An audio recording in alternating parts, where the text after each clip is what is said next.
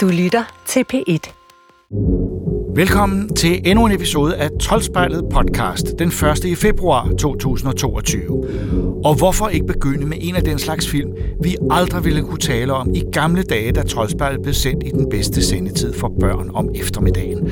For rendyrket slasherfilm, det ville nok have været for meget, men det kan vi nu.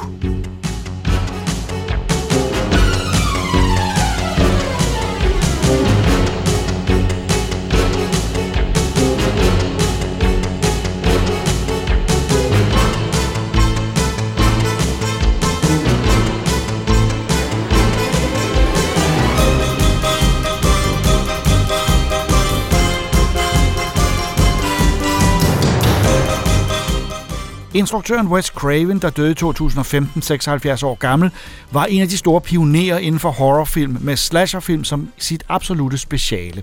Han skabte Freddy Krueger-figuren og et væld af både originale, uhyggelige og indimellem også meget vittige gysere. I 1996 lavede han således Scream, som blev en kæmpe succes, og som udover at være regulært skræmmende, også havde humor. Flere Scream-film fulgte, og nu er femeren så klar, som så også er den første, Wes Craven ikke selv har instrueret. Han var ligesom lovlig undskyldt. This isn't funny, Amber. Would you like to play a game, Tara?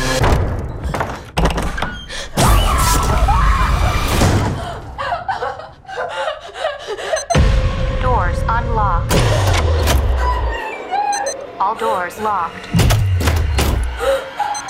Doors unlocked.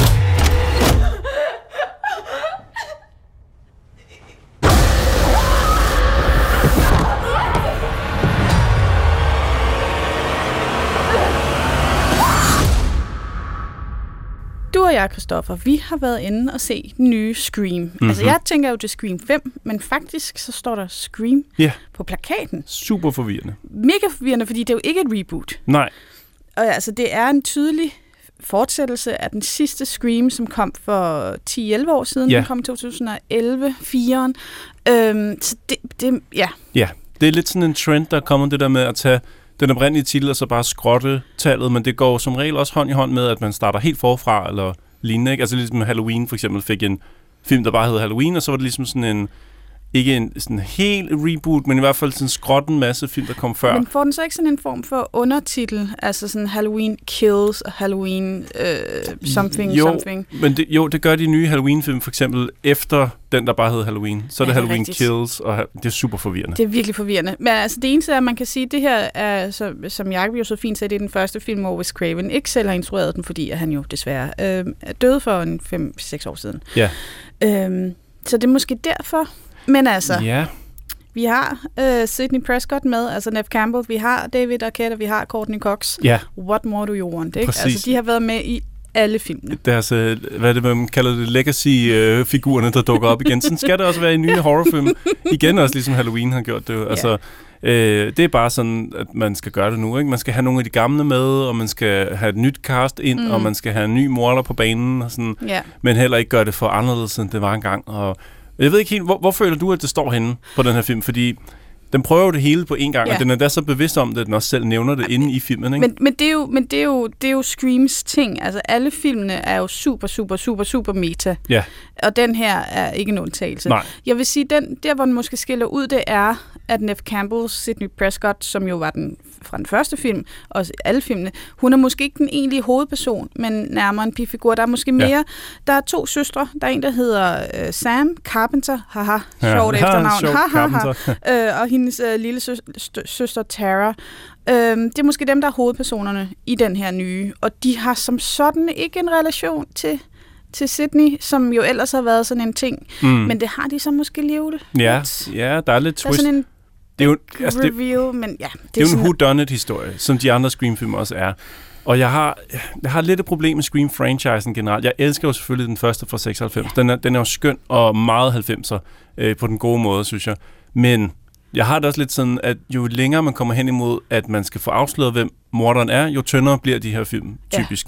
Ja. Altså, det er sjovt så længe, at man ikke helt ved, hvad, hvem der står bag, og så snart, at det bliver Scooby-Doo, og man tager hætten af, og sådan, åh, det var morderen, nej, der var mere en, en morder, og hvem er den morder? Altså, Ja. og der fik jeg dig, og der så bliver det lidt sådan, ah, det, det, det var sjovere, da vi ikke vidste, hvem det var. Ja. Jamen, jeg har det på præcis samme måde som dig. Altså, jeg synes, jeg, den her var jeg faktisk også godt underholdt langt hen ad vejen. Og så i tredje akt, som de også kalder det i flere filmene. Ja. Og det er netop sådan, "Nå, men hvem er så så er det bare sådan, så falder det totalt til jorden. Og Ja. jeg bliver så træt af det. Og så det netop det der, det der whodunit element. Fordi jeg, synes næsten, det er mere whodunit film end en gyserfilm, fordi de er ikke uhyggelige. Mm. Øhm, jeg synes ikke, der er hverken rigtig sådan jumpscares eller noget, øhm, og ikke særlig meget splatter heller. Men jeg snakkede lige med Regitte, som er altså whodunit ekspert her Ja, ja, på redaktionen. det er hun og så sagde. Og så spurgte jeg, og jeg ved ikke så meget om whodunit, bare sådan, er det virkelig meningen, at man slet ikke skal kunne regne ud, hvem morderen er? Og så sagde hun, ah, der skal være små hints og alt muligt. Og der synes jeg faktisk, at Scream-filmene mangler. Det er sådan lidt, det er random, altså det er held, hvis man har gættet, hvem skurken eller skurkene er. Fordi der er ikke, altså det, det var selvfølgelig et fede med den første, hvor at man sidder og tænker, åh, det må være kæresten, der er det. Nå, men det kan det ikke være, fordi han var sådan og sådan. Og Ja. så er der to. Woo! Og det var fedt, og det havde jeg personligt ikke set før på det tidspunkt. Men den, det, altså, sådan er det jo ikke længere. Nu sidder man og forventer, at der er to. Øhm, så, så derfor er det sådan, jamen det kan være alle, og hvad er Mm. deres motiver? Deres motiver er altid sådan et eller andet fuldstændig random og obskurt, som man ikke har nogen yeah. jordisk chance for at gætte. Og så synes jeg altså, at der er noget af det sjove, der går ud af det. Fuldstændig. Jamen, jeg er enig også, fordi at, altså, Scream oprindeligt stillede sig jo på skuldrene af slasherfilmene fra 80'erne og slut 70'erne, hvor at man har sådan en tilbagevendende ond kraft, som Freddy for eksempel, som Wes Craven jo også har skabt, øh, eller Michael Myers fra Halloween-filmene, som vi også nævnte før. Øh, der er det sådan en tilbagevendende ond karakter, som man, man, man frygter vender tilbage. Ikke? Men i Scream-filmene, altså, der er selvfølgelig Ghostface-masken, men udover det, så, så er der ikke rigtig noget bag det, og det, så på, på en eller anden måde bliver det lidt tyndt. Altså, Ja.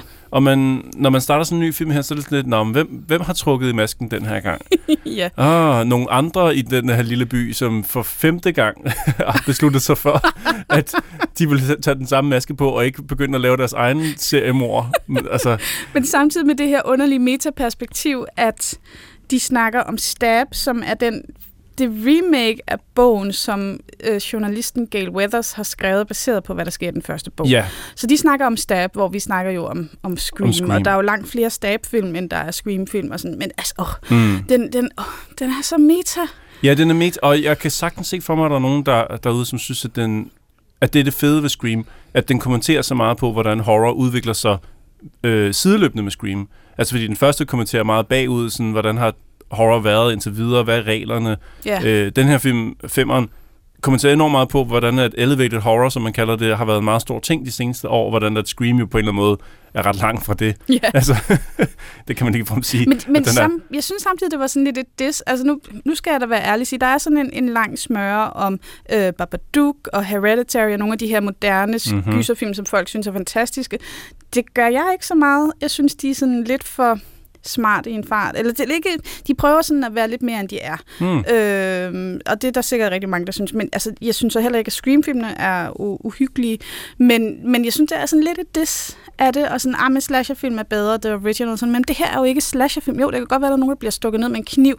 Men det er altså ikke Halloween, og det er ikke Nightmare on Elm Street og, og de her franchises, som, Nej. som bare er Nej. overlegne Jeg på ved ikke, måde. og det er egentlig mærkeligt, fordi jeg, jeg elsker jo, jeg elsker horrorfilm, jeg elsker slasher, jeg elsker også elevated horrorfilm, jeg synes faktisk, at de har været rigtig gode de sidste mange år. Øhm, og jeg gik ind til den her sådan helt åben, som sådan, jamen giv mig, hvad I har lyst til, fordi jeg er ikke sådan die-hard fan af øh, Scream-franchisen. Jeg er egentlig bare åben for, hvad I tænkt jer at vise mig den her gang. Jeg har lige genset firen også inden da, for lige at blive mindet om, hvor er vi henne i franchisen, mm. og jeg har fuldstændig glemt den film. Den, den er lidt sådan ind af det ene øre, ud af det andet, og det føler jeg også lidt på en eller anden måde, at femmeren her, den kommer til at være. Altså lige så et eller andet sted ligegyldigt som firen, der bliver den her også bare lidt Ja. glemt Ja. med tiden, tror jeg. Desværre. Ja. Det er ærgerligt. Altså, jeg, øh, jeg havde set etteren rigtig mange gange, og den synes jeg er en god film stadigvæk. Mm-hmm. Jeg har Mhm. set toeren og synes, den var lidt fjollet, og så droppede jeg at se 3'eren og 4'eren. Men jeg har så lavet min, mit øh, hjemmearbejde og har set Godt. den, øh, fordi at vi skulle se den her film. Og der er et tidligere cast-medlem, som er med, som var med i 4'eren, som også er med nu, og det har en lille bit relevans, men ellers så savnede jeg, det var faktisk fuldstændig ligegyldigt at have set de andre film. Ja, stort set, ja. Ja, øh, hvis Altså- man har set den første, så er man med. Ja. Men, Øh. og, og så samtidig oven i det, altså jeg giver dig helt ret, at man behøver sådan set ikke at have genset de foregående film for nylig, fordi du kan bare sætte dig ned og se den her. Det er en Scream-film mere. Ja. Øh, den kommenterer ikke engang på den tv-serie, der var her for, for hvad er det, et par år siden eller sådan noget. Ja. Øhm, den, den er også fuldstændig ligegyldig. Den kunne jeg heller ikke færdiggøre. Den var simpelthen så dårlig, synes jeg. Nå, men anyways, men det er den ene side af det. Du behøver ikke at være specielt opdateret, men samtidig så er den fuldstændig plastret til i metareferencer til andre film. Altså, når de kører ned ad vejen, så på højre side af billedet, så er der et, et, et, et, et vejskilt, hvor der står Elm Street. Øh, nogle af figurerne hedder Carpenter til efternavn. Der er en, der hedder West til fornavn. Wes, ja. Og der er en dag i telefonen, er der en, der, øh, der er en samtale, hvor hun siger, øh, hjemsøger Wes der stadigvæk. Og der, er så, der taler de om en, en ekskæreste, ikke? Men det er jo selvfølgelig om Wes Craven, som stadig mm. spørger i, yeah. i kulisserne og sådan noget. Altså, den, er, den, den har så mange små hints til ting. Ikke bare sådan direkte i dialogen, det har den også meget tydeligt, så snakker den jo om alle mulige andre film, men også sådan mellem linjerne og i, på skilte og i baggrunden og figurernes navne og sådan noget. Så på en eller anden måde, så skal man jo også være kæmpe horrorfan for at få alle tingene med. Jeg synes mere, man skal være filmfan, og det synes jeg faktisk er, er igen faktisk noget, der går igen i alle Scream-film, at de er enormt referencetunge til andre film. Mm-hmm. Øh, så, så jeg tror, det er sådan en, jeg tror også, det er derfor, de er blevet så populære, fordi at der sidder nogle filmbuffs derude og føler sig talt til. Ja. Men samtidig er det jo ikke ybernørderne, den taler til, så det er sådan en underlig mellemvej. Mm. Altså sådan, øh, ja, og Ja. der er også nogen, der sikkert får nogle anbefalinger til at se nogle af de her film, hvis de synes, Det det, er spændende. Og det er så også noget af det, som jeg tænker måske er Screams fordel. De er ikke særlig uhyggelige, og de er heller ikke særlig blodige. Fire, fire er faktisk nærmest den, der er mest blodig øh, ud af de fem her. Men, øhm, men det er sådan, det er sådan en, en blid indgang til Ja. gyserfilm, hvis Jeg- man nu synes, det er sådan, ej, er det nu noget for mig? Ja, lige præcis. Jeg sad flere gange og tænkte, mens jeg så den, så tænker jeg, jeg kan mærke, at jeg er ved at blive en gammel sur mand, som ikke er ung nok til at se en film, der er så tosset som den her, fordi den er jo på mange måder dumhed, altså på max niveau. Ikke? Altså mange af de her drabscener, hvis du begynder, når du ved, hvem morder, morderplottet ligesom afslører til sidst, hvem det er, når du tænker bagud, hvordan de så har gjort de forskellige ting, og hvad er deres, hvorfor skulle de gøre det, og sådan ja. Ja. noget, det skal du helt lade være med, fordi filmen er pakket til bristepunktet med dumhed. øh, også sådan noget med, at der bliver, altså alt politi bliver kaldt over til et hus, ja, skynd jer derover, og så har morderen alligevel noget, der føles som 25 minutter til at færdiggøre og blive hængende i det der hus og sådan noget. Så, Jeg ved ikke, om det er noget, de gør bevidst, for det har jeg lagt mærke til. Nu har jeg set alle de her film. De foregår nærmest alle sammen i Woodsboro. Hvis ikke de, jeg ved ikke, om det der universitet, de går på i film 2, også er i Woodsboro.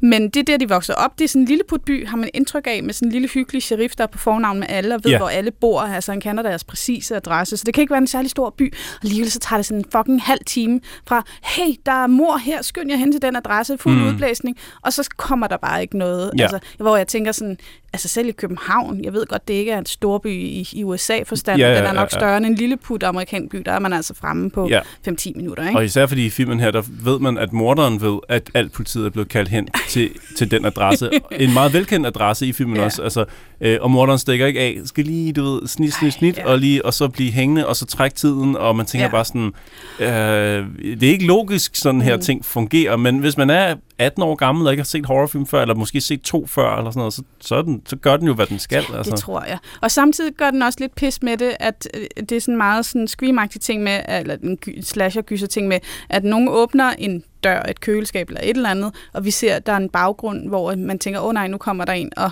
og åbenbarer sig, når de så lukker for det her Mm-hmm. øh, Skab, skabvindue, ja. et eller andet. Øhm, og det er fake, eller det er der jo så ikke, det, men den gør den sådan hele tiden, han gør det som en gimmick nærmest. Ja. Det, det var sådan meget sjovt, men det blev også sådan lidt, jamen, nu, vi har, Ja. Ja. Det, det, den prøvede at være overraskende på måder, hvor man sådan tænker, tak, jeg, se, jeg kan se, hvad du prøver på, mm. Men jeg har set det før, og jeg har set det, jeg har set det klogere. ja, Men altså, øhm, ja, det ved jeg ikke, det, det var også nogle underlige, jeg- nu kommer jeg lige til at tænke på, fordi du snakker om det der med spejlet, der var en underlig reference også, der for eksempel til, hvad hedder det, øh, American Werewolf in London, det der med at, se, at kigge ind i et spejl, og så ser man øh, et minde i American Werewolf, in London, at det er hans gode ven, som er død, som dukker op i et spejl øh, bag hovedpersonen Ja. hele tiden, som sådan en lidt mere råden version, ikke? som også er sådan et greb, jeg ikke rigtig sådan helt kan se puttet ind i en Scream-film, men det, gør, det bliver lidt brugt igen også her. ja sådan det gør det sådan, faktisk. det er ikke Der- sikker det er på. et lille, over, en lille smule overnaturligt element, Ja. som, som serien ellers har været sådan forskånet for. Præcis. Og det synes jeg var lidt out of character, og det irriterede mig lidt, og det var sådan lidt dårligt Det- lavet samtidig. Det så Ja. weird ud.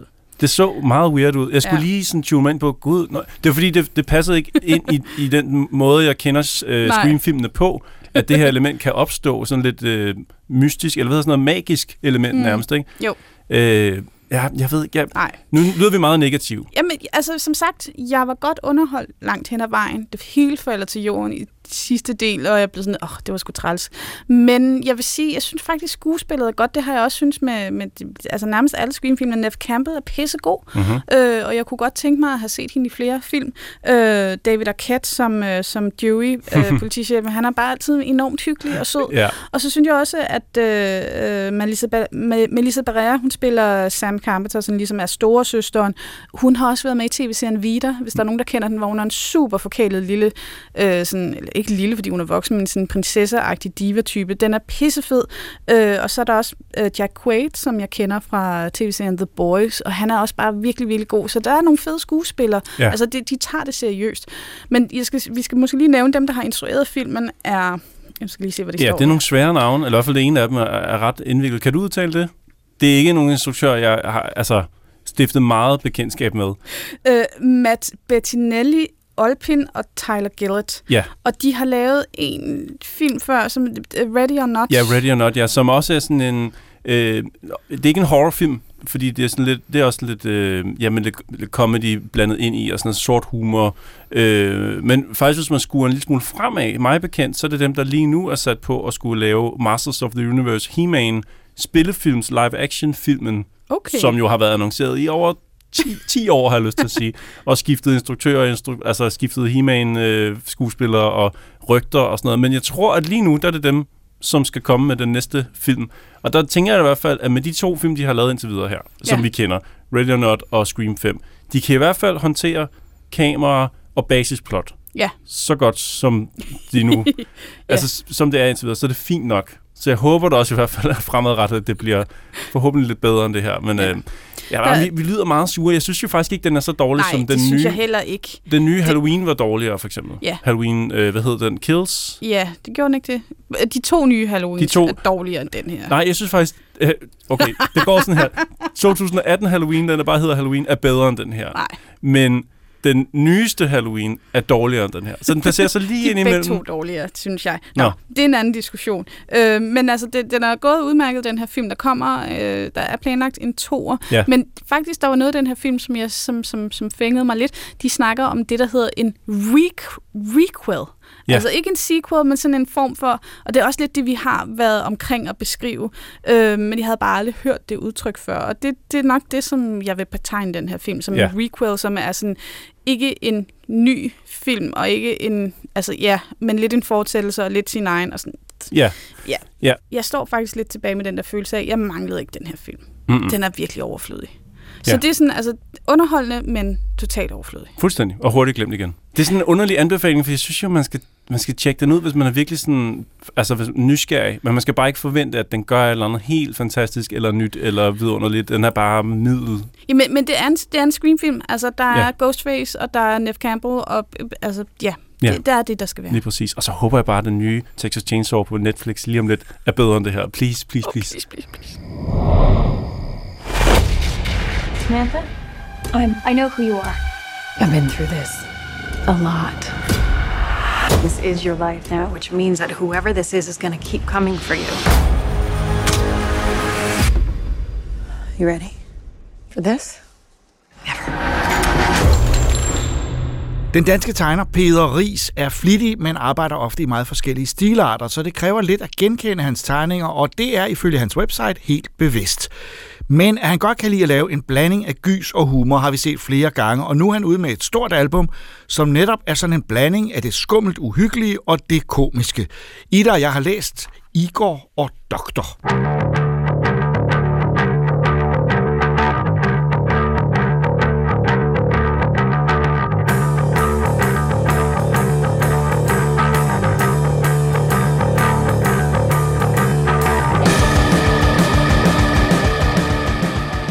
Jamen, sikkert en fornøjelse at læse den her historie, fordi at den, øh, den er jo alt det bedste fra skræk genren på en eller anden måde blandet sammen. Og det kan man også se på den forside, der er. Der er øh, øh, en kvinde og øh, en mand med en pukkel, pukkel på en scooter. Så er der en varulv, og der er nogle zombiehænder, der stikker op, og en robot og monstre og alt muligt rumskibe op i luften. Og det, øh, det er faktisk det, man får serveret på et sølvfad inde i, øh, i selve tegneserien. Øh, på en virkelig munter, hektisk øh, måde. Meget hektisk, vil jeg sige. Jeg havde det sådan, at jeg læste, øh, læste det først, øh, sådan de første 20 sider, og så havde jeg måske været lidt ukoncentreret noget af vejen, og pludselig anede jeg ikke, hvad der foregik. Og så måtte jeg læse forfra, fordi der er altså fem forskellige, eller fire forskellige plots på samme tid, øh, som vikler sig ud og ind af hinanden, og man skal virkelig holde tungen lige i munden. Øhm, og det, øh, det, det, det løb altså så sur for mig i Nå. første omgang, så jeg var nødt til at spole tilbage, hvad man jo heldigvis kan. Øh, ja. Og så gik jeg forfra, og så nød jeg det, det må jeg sige. Men øh, det skal læses, øh, jeg vil ikke sige langsomt, men det skal læses, man skal holde øje med alle detaljerne, fordi de her personer, der er en hovedperson, som jagter øh, en vareulv, øh, der er en, et sumpmonster, øh, som skyldes noget forurening, og så er der nogle væsener fra rummet, øh, som er, eller et væsen fra rummet, der er inde i en robot, han har svært ved at styre, øh, som skal indsamle øh, et individ fra jorden øh, til, til de der folk oppe i, øh, i UFO'en. Ja. er det ikke det, der sker? Jo, og så er Og- der også en varulv. Ja. Ja. Øh. Og, der, er- og, hey, og der er også et, øh, et, en zombie, eller der er et, et, et udødt væsen, der kommer fra, fra graven, Ja. og som er i færd med en stor hævnakt Ja.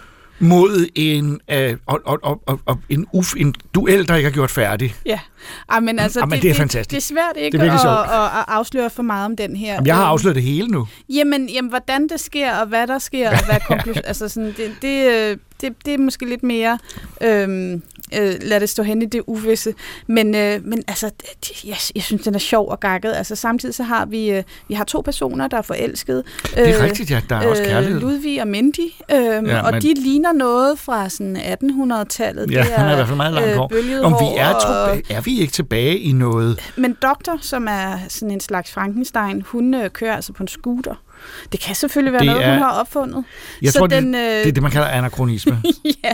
Det må det være. Men det ligner noget sådan lidt fra ældre tider. Er også nogle lidt skumle landsbyer og den slags. Ikke bare lidt skummel landsby, en meget skummel landsby. Og det der er selvfølgelig, så snart man ser, hvad den landsby hedder, så ved man jo, og hvor er det, det kommer første gang. Nu bladrer jeg. Ja, fordi det, det kommer flere gange. Der er det kom, ja, mange... men der er et sted. Første gang står hun og skal på vej derind, øh, og bliver så nærmest kørt over, men det er Karlofstadt. Ja. Og hvis man, altså, man skal ikke være særlig stor øh, gyserfan for at vide, hvor vi er henne nu. Og det er jo selvfølgelig en hyldest til Boris Karloff, og så bliver jeg jo varm om hjertet, fordi det er klart den største horror-skuespiller, der har levet, og en af de mest sympatiske. En fantastisk stjerne, øh, og det er Altså, Karlofstadt ligner en Karloffby, bortset fra, at når man kommer ind i den, og der er også nogle vidunderlige billeder af robotten, der bliver kastet ned fra rumskibet, og som er den stakkels lille alien, der sidder inde i og siger, hvordan fanden styrer man dog det her? Øhm, men Karlofstadt er, er, er, er nærmest, altså jeg synes, den lignede byen fra Beauty and the Beast af Disney. Okay, Øh, men i en... en se der. Nå, kan du ikke ja. se det Jo, der, det der hvor hun se. synger ved brønden og alt Ja, muligt. Det er nærmest som det er starten af den, bare i en meget, meget uhyggelig udgave. Den udgave, jeg egentlig helst ville have haft. Ja, det havde været sjovt. Af Zombier i, Ja. ja. i, i Skønheden og Uddyret.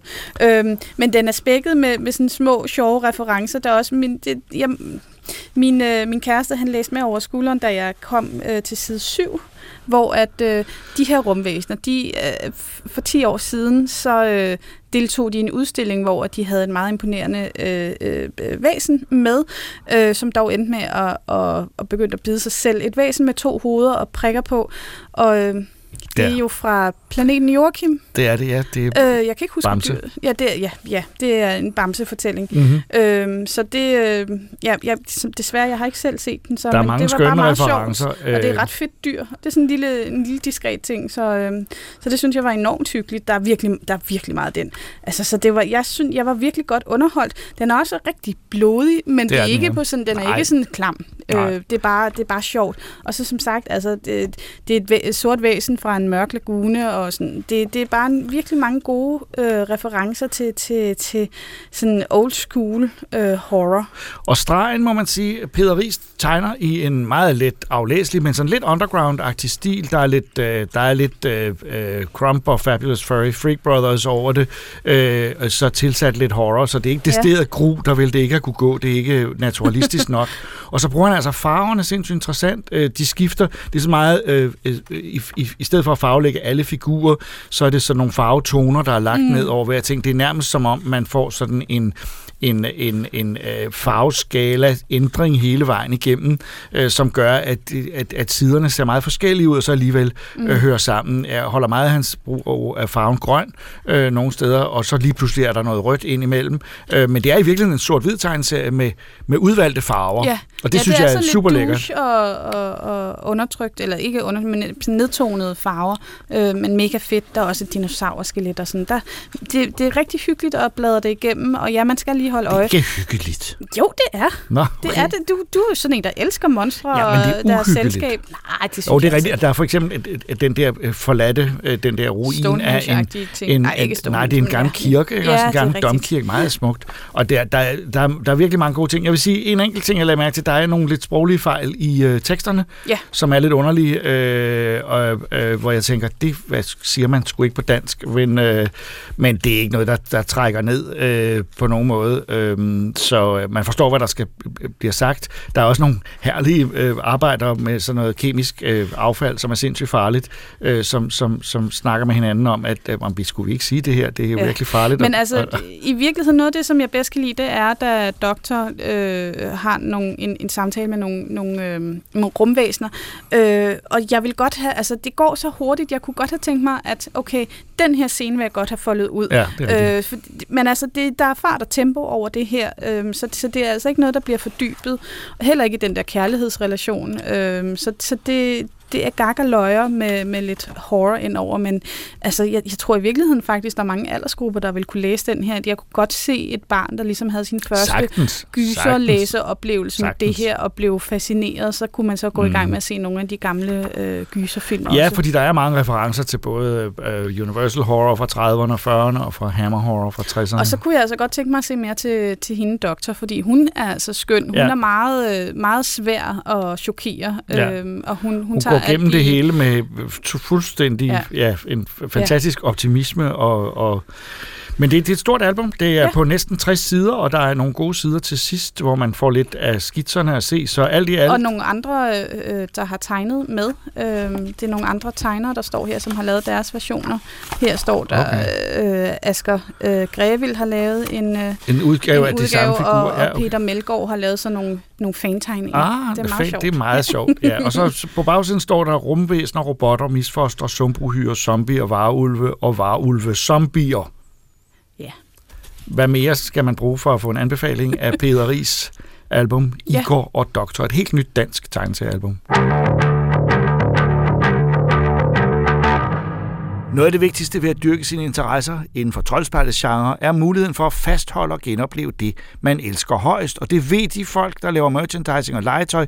De udnytter vores drøm om, at eventyret aldrig må slutte, og de får os til at købe og måske til med udstille legetøj og figurer fra vores yndlingsuniverser. Christoffer er et af deres mange villige ofre, Øh, og der er hele tiden nyt på den front, som han følger med i. I dag er det fra selveste Lego, som måske er det legetøjsfirma, der i de seneste år har levet allerhøjest på at, at videre og formidle og fastholde os i vores universer. Og vi har et kæmpe bygningsværk stående midt på vores podcastbord. Ja, et, øh, hvad er det vel, 60, måske 60 cm højt øh, højhus i, i grå klodser. En skyskraber. Det er Daily Bugle fra øh, Marvel-universet. Spider-Man, kan man vel egentlig sige, Jo, det er som det. udgangspunkt. Ja.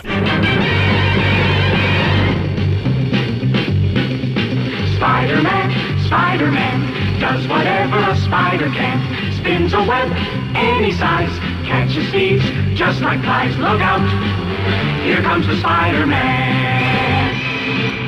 en bygning, som har øh, trukket lidt tænder lidt ud øh, på mig, må jeg sige.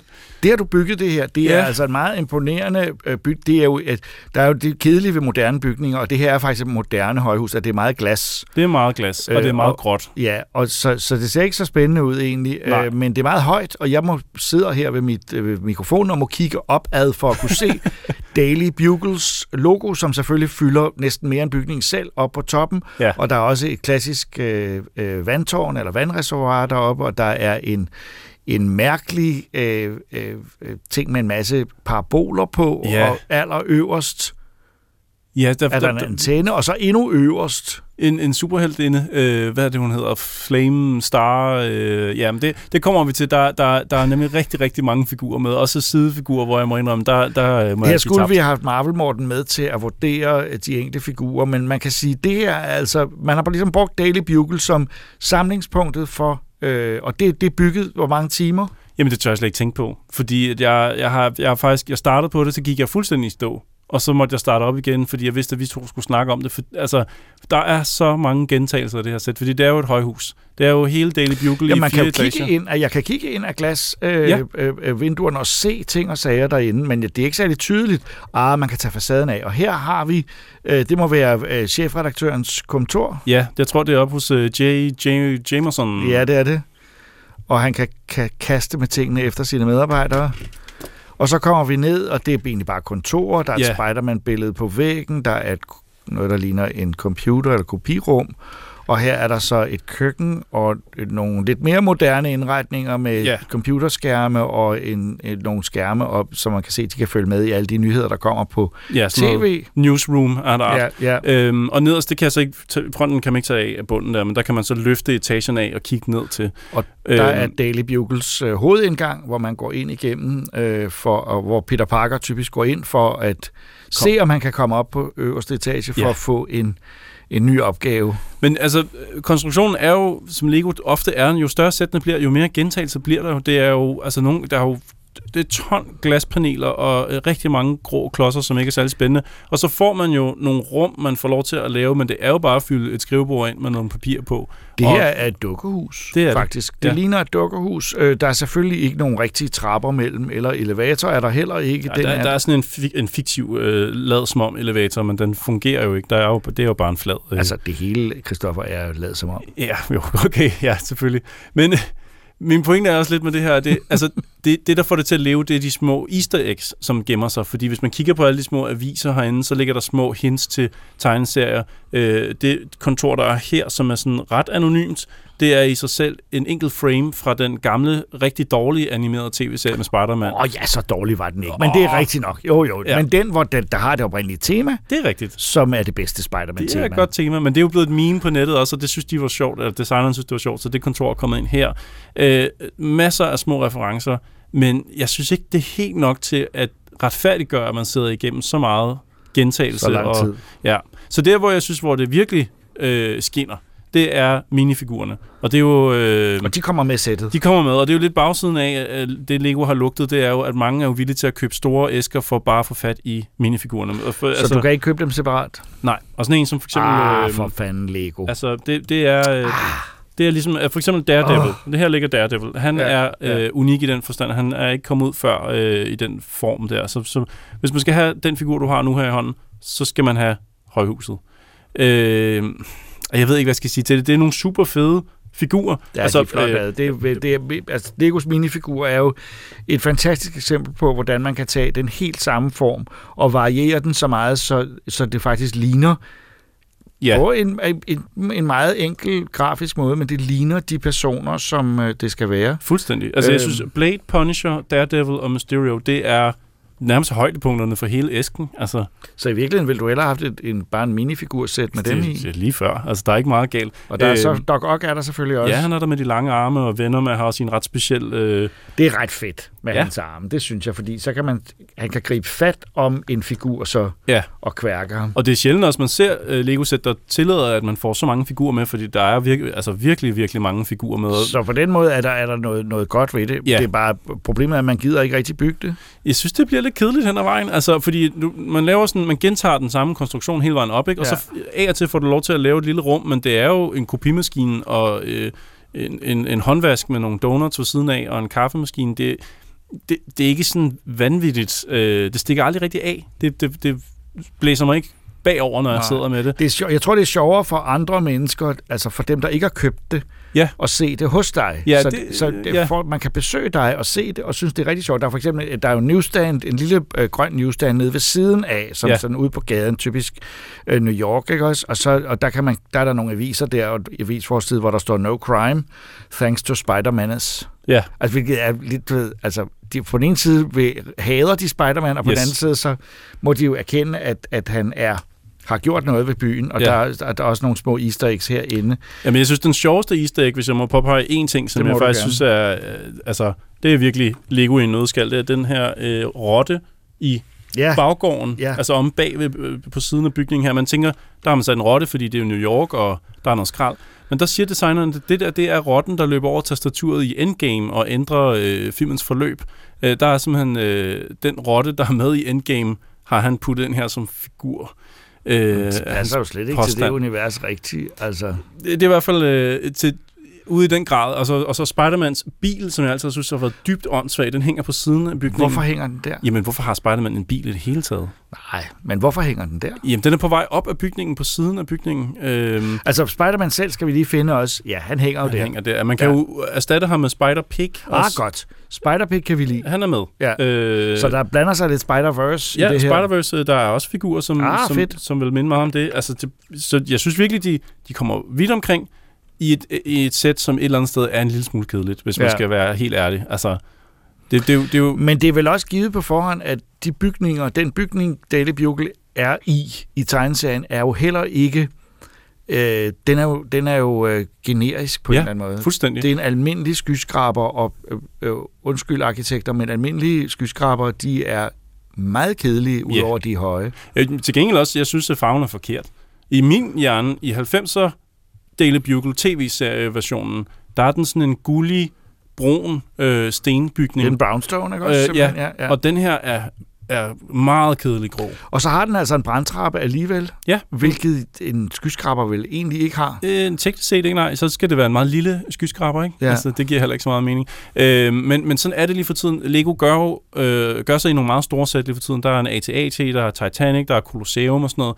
Men når man overvejer det, hvis man lige træder et skridt tilbage, så er det jo tusind gentagelser. Altså Titanic er kæmpestort, men du skal jo lave den samme ting rigtig mange gange, før du er færdig. Det har jeg slet ikke tænkt over, det er jo rigtigt. Colosseum er jo sådan noget, gør den her ting nu 250 gange i træk, og så er du færdig. At det er jo bare at blive ved, indtil du er færdig. Det, det er, Og det er belønningen for det hele er så, at man får alle minifigurerne. Altså dybest set behøver man jo ikke bygge skidtet, men man skal altså købe kl- klodserne ja. for at få alle minifigurerne. Og der føler vi os lidt snydt på den ene side. På den anden side øh, er det imponerende, så mange der er med. Ja. Øh, men, men øhm, Og det er højt, altså det ser ud af meget, ja. men oplevelsen er bare ikke op at ringe, desværre. Is he strong? Listen, bud. He's got radioactive blood. Can he swing from a thread? Take a look overhead. Hey there, there goes the Spider-Man.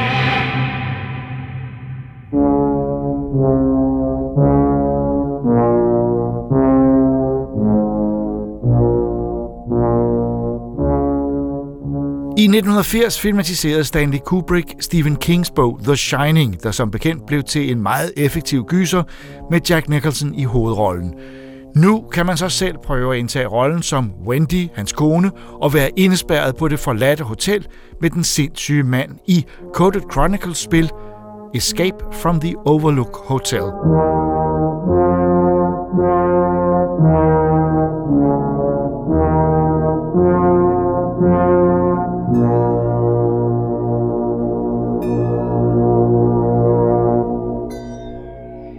Og det har jeg ikke prøvet, dels fordi at jeg ikke kan finde ud af sådan nogle spil, og dels fordi jeg ikke tør.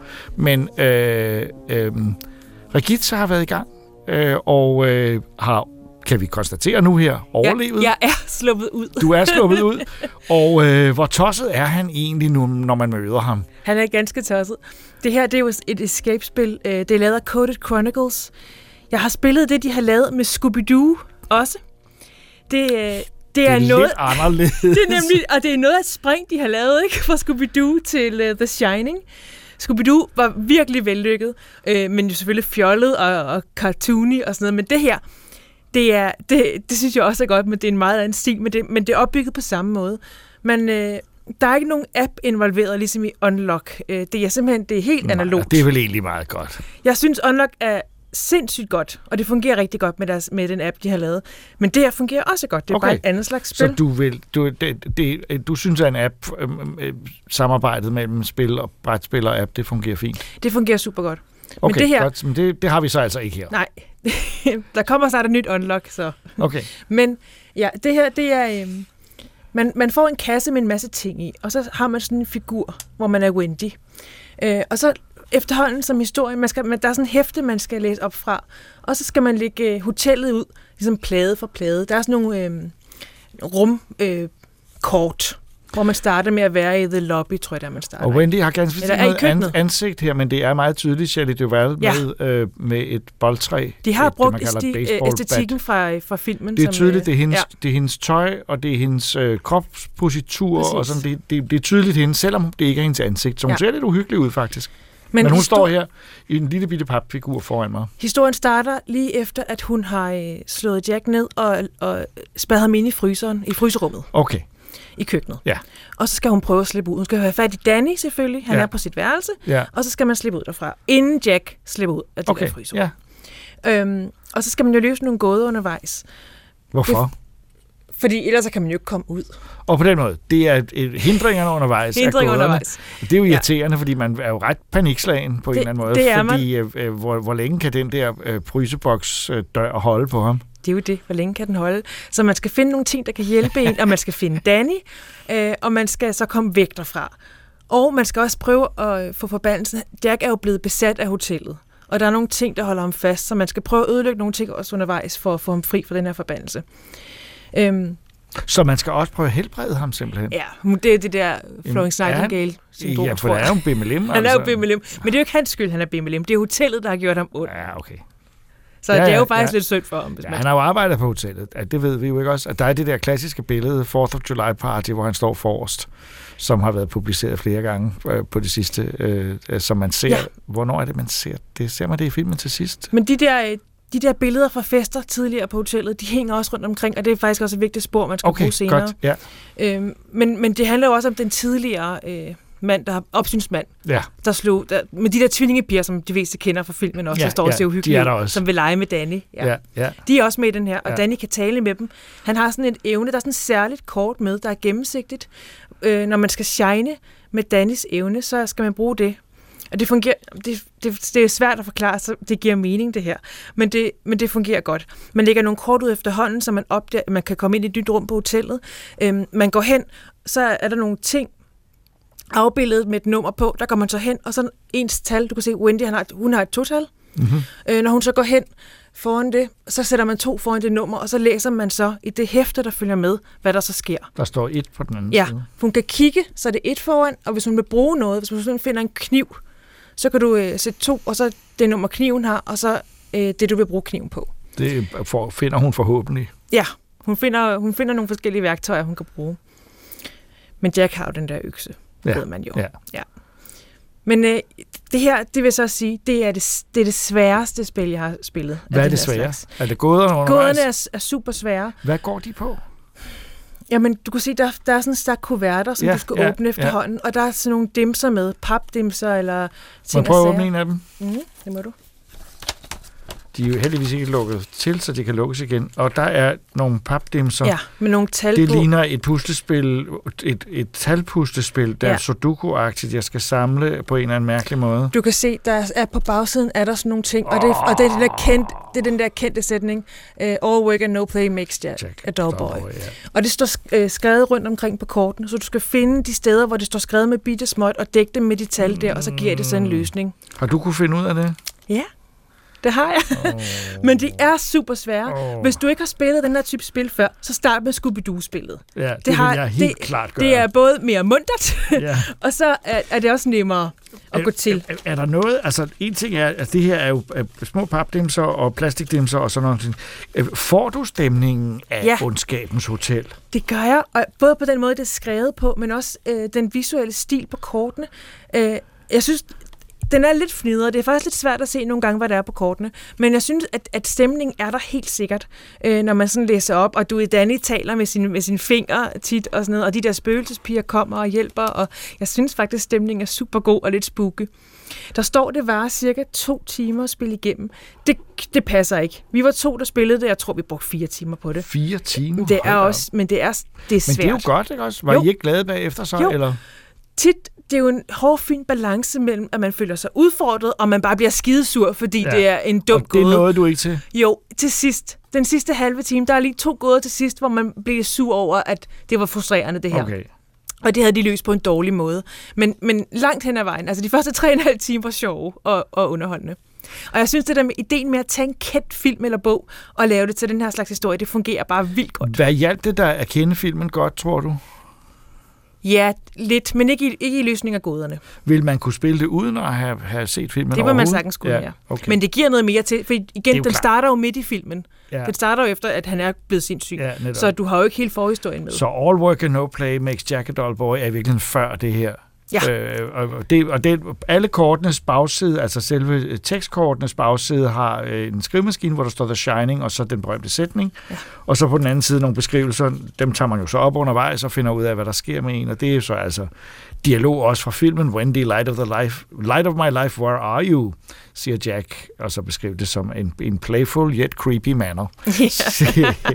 så, så, så det er altså The Shining, det her. Du synes, det var det univers. Ja, jeg synes, det, det var virkelig vellykket.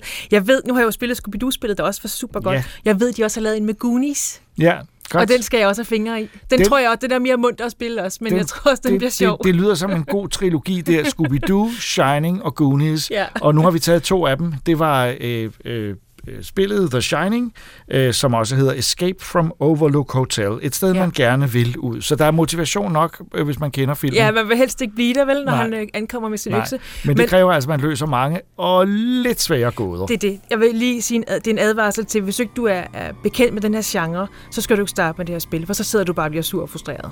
Mere end jeg gjorde.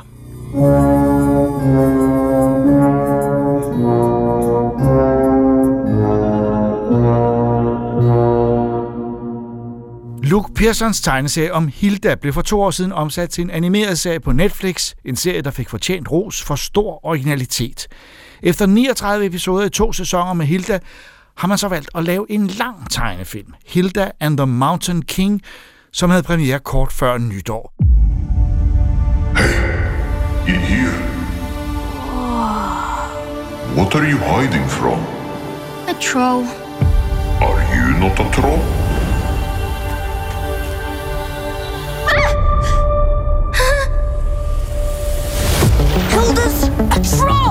Yes, it's not ideal. I feel like I could lift up the entire mountain!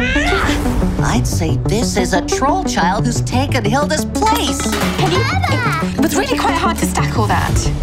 Is there a spell or something that could turn her back? I could do it, but I would need you to do a few things for me. Do you think there's anything vegetarian? Oh, thank you. Og Ida, altså, øhm, vi holder jo begge to meget af Hilda. Monik. Det er et øh, ret vidunderligt univers. Øh, øh, sådan, hvad skal man sige, øh, det er eventyr, og det er for børn, men det er også for voksne. Det er især for vo- eller, jamen det er ikke det er ikke det er ikke sådan for meget virkelig meget for voksne, men det er super underfundigt og charmerende og nogle små sjove detaljer som forældre også vil klukke og grine over, pakket ind i mega nuttet univers. Men så samtidig tegnet meget øh, råt på en eller anden måde. Det er en, an, animationen er jo primitiv. Ja. Øh, det er jo ikke, fordi det er sindssygt flot 3D. Det er meget flat 2D. Det er meget tegnet. Man kan ligesom mærke blyant på papiret, selvom der ikke er en blyant på papir, men altså lige man kan mærke det. Jeg synes, det er meget nærværende, og det virker som om, at det er tegningerne fra tegneserien, der er løftet over. Lidt på samme måde, som da de lavede de gamle Radisserne-film. Man Det kunne sjovt, virkelig mærke det. Radisserne, fordi at Hilda har en ven, der hedder David, og han ligner en figur fra Radisserne. Han har de samme krøller som Ja, øh, Søren. Brun, Ja, og ja, ja, ja. Øh, øjnene og det hele. Så der er meget Radisserne over det, men fordi det sådan er farvelagt, meget douchet og pastellækkert, så, så er alligevel meget øh, sit eget øh, udtryk. Ja, farven er faktisk noget særligt, fordi det er ikke, det er ikke pangfarver, det er De skifter lidt undervejs i de forskellige episoder. Meget efter har man fornemmelse af stemningen, Ja. øh, og så er det ligesom en tone. Det er nærmest som om, det er, det er øh, tintet, Ja, det som man gjorde med gamle stumfilm. Ja, netop. Øhm, og det er noget af det, der gør det charmerende, og, og håret er lilla eller grønligt, eller sådan et eller andet, så det er ikke øh, naturali- naturalistisk på den måde. Men serien er fantastisk, og Ja, den, øh, den kan man virkelig fornøje sig meget med. Øh, Det er jo så korte episoder, og måske er det også rigtig godt. Øh, Nu kan man så sige, hvad med den her film, Hilda and the Mountain King? Nu er det pludselig en episk film, som jo samler op der, hvor den sidste episode, som ja. Du har set, det har jeg ikke set. Ja, det, det er simpelthen, den går direkte videre, øhm, og det er ikke nogen spoiler, fordi det er faktisk en hjælp, hvis man nu ikke har set øh, serien. I sidste afsnit ser man øh, som slutningen, at Hilda, hun bliver øh, en skifting. Ja, altså hun bliver udskiftet med en trold. Med en troldunge. Ja, ja. Og, øh, og så er det så ligesom, det filmen starter med, at Hilda er trold, og i kæmpe krise over det. Det og hvordan hun så skal finde... Hun Ja, og hvordan væk hun, fra sin familie, Ja, det er det. og hos hendes mor bor nu en lille trold. Ja, og den hedder Baba, og den er... Det er den, den, den kaos. virker sådan, det, kaos. Kaos. Altså, det, den er sådan lidt, det, det er jo så blevet et menneskebarn, men den opfører sig som en trold, og, gør den. Og, og haver, Ja, men på en meget sød og charmerende måde. Ja, og, og, men, men moren er jo i, altså, i, i meget i syv sind med, hvad hun skal stille op, og hvad, hvad der egentlig er sket. Ja, hvad vil du gøre i den situation, Jacob? Jeg vil da også være rimelig på... Det er faktisk derfor, at skiftinghistorien temaet er genialt. Og jeg har altid elsket det. Jeg kan huske, at jeg havde en lærer i skolen, der fortalte den historie tilbage i 5. klasse. Mm. Og jeg kan huske, hvordan han brugte flere dage på den der skiftinghistorie. Og jeg kan ikke huske andet fra 5. klasse, udover en regnelærer, jeg kunne lide. Men, men end den der fantastiske historie om en skifting, som er så gribende, og som børn jo virkelig... Så altså, jeg kan godt se pointen med at sige, nu har vi gjort den til skifting, så nu tager det altså en hel film. Ja. Og det gør det så. Og det gør det så. Og øh, jeg synes også, der kommer en form for afslutning, hvor at, øh, at, at serien, serieafsnitten indtil videre, ligesom, altså man føler sådan, okay, men det var så, der er en relativ afslutning på sæson 1 og sæson 2, og vi, der så kommer i hvert fald noget mere. Men nu føles den sådan afrundet. Ja. Det, det, ja, der kan godt komme flere historier fra det her fine, fine univers, men det kan også være, at det bare er det. Jeg, øh, altså jeg er, det har du jo sagt flere gange, jeg er virkelig begejstret for Hilda. Jeg synes, det er så hyggeligt. Jeg, jeg, kan virkelig godt lide det, jeg kan godt lide. Også Også musikken, det er ikke pattet, altså selvom det er nuttet, så det, øh, det har været meget indie-musik i de tidligere øh, sæsoner. Nu her er det mere indtryk af, at det er et score. Øhm, men, men jeg savner noget af den vildskab, der var i de små afsnit. Det er helt, mm. Her er der en stor rød tråd, der binder det hele sammen. Men, men i de tidligere afsnit, så var der sådan noget, så var der et epi- en episode, hvor at der var nogen med nogle chips, som gjorde folk sådan lidt vanvittige, og Ja. så var der nogle rotter, som samarbejder, Men- og der er en underlig woodsman, som er super sarkastisk og, og ligeglad med alt og alle. Så jeg mangler lidt de der små galskabsting, som, som, som var sådan små afstikker i afsnittene, hvor der selvfølgelig også var en hovedhistorie gennem en sæson. Men her er det meget mere rent, og det giver jo mening, fordi det vil blive, blive forvirrende i en film. Det vil man ikke kunne gøre, men jeg så også, det, det, det synes jeg, det der, du siger det meget klart, at, og det synes jeg, at det der taler imod en film. Altså jeg var indrømme, jeg var, jeg vil meget hellere vende tilbage til de korte episoder, efter at have set den lange film, selvom jeg samtidig også vil sige, at den er virkelig velfortalt, og mm. den er, er, er øh, mærkeligt nok, selvom det jo ikke er episke tegninger, så er det episk, og man føler faktisk, jeg, jeg var sådan lidt, jeg havde lidt den samme fornemmelse af Dorothy i Wizard of Oz, at Hilda er fanget i det der, som er et meget fascinerende univers blandt troldene, hvor hun møder mange, mange figurer, og nogle af dem er, er sympatiske eller Mhm. mm. er interessante, og, men hun vil alligevel altid helst hjem. Ja. Øh, og det er øh, lidt det, det også handler om. Ja. Og der synes jeg, jeg havde lidt den samme fornemmelse, som når man øh, var grebet af Wizard of Oz, og på den ene side, der er fedt at være, det er spændende, men det, pointen er, at vi skal til sidst, og det virker umuligt. Så den har nogle, men den, den savner alt det der finurlige tosserier. Yeah. Det er der ikke rigtig plads til. Der er en god skurk, eller ikke en skurk, der er ham, eh, The Ranger, eller hvad han hedder. Eh, Øh, Allberg, Allberg, som, ja, øh, som er sådan en, altså hans bedste forældre. Altså det, det er jo, øhm, historien er jo egentlig, at, at Trollberg, som er den by, Hilda og hendes mor er flyttet til, de har egentlig boet ud i skoven, men øh, i de tidligere sæsoner, men er nødt til at flytte til byen, både fordi Hilda skal i skole og have nogle venner, men også fordi, at skoven begynder at være lidt mere farlig, blandt andet fordi der er de her trolde, som øh, er bliver til sten i, i sollys, men om natten godt kan gå rundt og have lidt og være lidt farlige. Mm, i den grad. Så de flytter til Trollberg, som har øh, murværk hele vejen rundt, ja. og så er der klokker, fordi trolde kan ikke lide klokker. Det finder man så ud af, da Hilda selv bliver til en trold, hvorfor det er. At Mm, det, altså, det er så lige så snart, at der er en, en klokke, der ringer, så gør det sindssygt ondt på hende. Hun kan slet ikke holde det ud, og jo større klokkerne bliver, og, og jo større lyden er, altså, så, så har hun det der indtryk at det, det er noget, der vil tage livet af mig. Så det er derfor, det er rimelig godt fæstningsværk i virkeligheden. Og derfor hænger de der klokker overalt. Men der er så også en meget eh, MC-type, som, som, øh, som forsøger at, at spille helt og Mm. mm. vil, vil klare det hele. Øh, Og så er det jo så også det, man finder ud af, jamen er troldene egentlig onde, Det som det er pointen. den fortælling, der bliver, altså som, som der er sagt, og som der har været, der er også sådan en statue i byen, hvor der står, nemlig ham her, Orberg, stifteren med foden på en trold og sådan noget. Eller, eller hvad er det, hvad er egentlig, hvorfor er det, de troldene vil ind i den her by? Og det finder man ud af, og man kan sige, at på den måde afsluttes Hilda med den her film. Øh, og øh, det er måske også det, øh, der har været Luke Pearsons Mm. idé. Måske har han tænkt, øh, det her univers holder ikke til mere. Og der vil jeg så sige, øh, øh, det, det har jeg stor respekt for. Jeg synes, der er alt for mange af den slags serier, som fortsætter to-tre sæsoner øh, lidt længere, end, end de måske kunne bære. Øh, vores egen Gurli Gris på DR er jo et eksempel på en serie, som stadigvæk er meget liv i den, men øh, øh, øh, og der er også nogle af de nye episoder, der, er, der, der kan matche de gamle, men altså så mange, som der er lavet, Mm. behøvede man måske ikke at have lavet. Og det tror jeg måske, det øh, øh, øh, den, den situation, han på en eller anden måde forsøger at sige, nu fortæller jeg historien færdig, og så Ja. er det slut.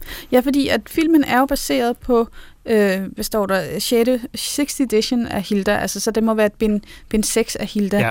Ja. Øh, men jeg har ikke selv, jeg har kun læst noget af den tidligste. Du har ikke læst det her som Jeg har ikke tegneserie? læst det Nej, her som jeg har også kun tegneserie, set det første. allerførste Ja. har jeg læst. Så jeg ved ikke, om det afviger, om der er de her små finurlige ting i tegneserien. I virkeligheden kan det jo også være, at de finurlige ting er tilføjet, eller sådan. Altså, så, Nej, dem har jeg set i tegneserien også. Ja. Jeg, så jeg tror, altså måske er det fordi, han har sagt, det, det bygger op. Først laver vi en tegneserie, så fanden gav mig, vi får en Ja. tv-serie. Måske er det lidt nærmest været uventet, det er en ung tegner.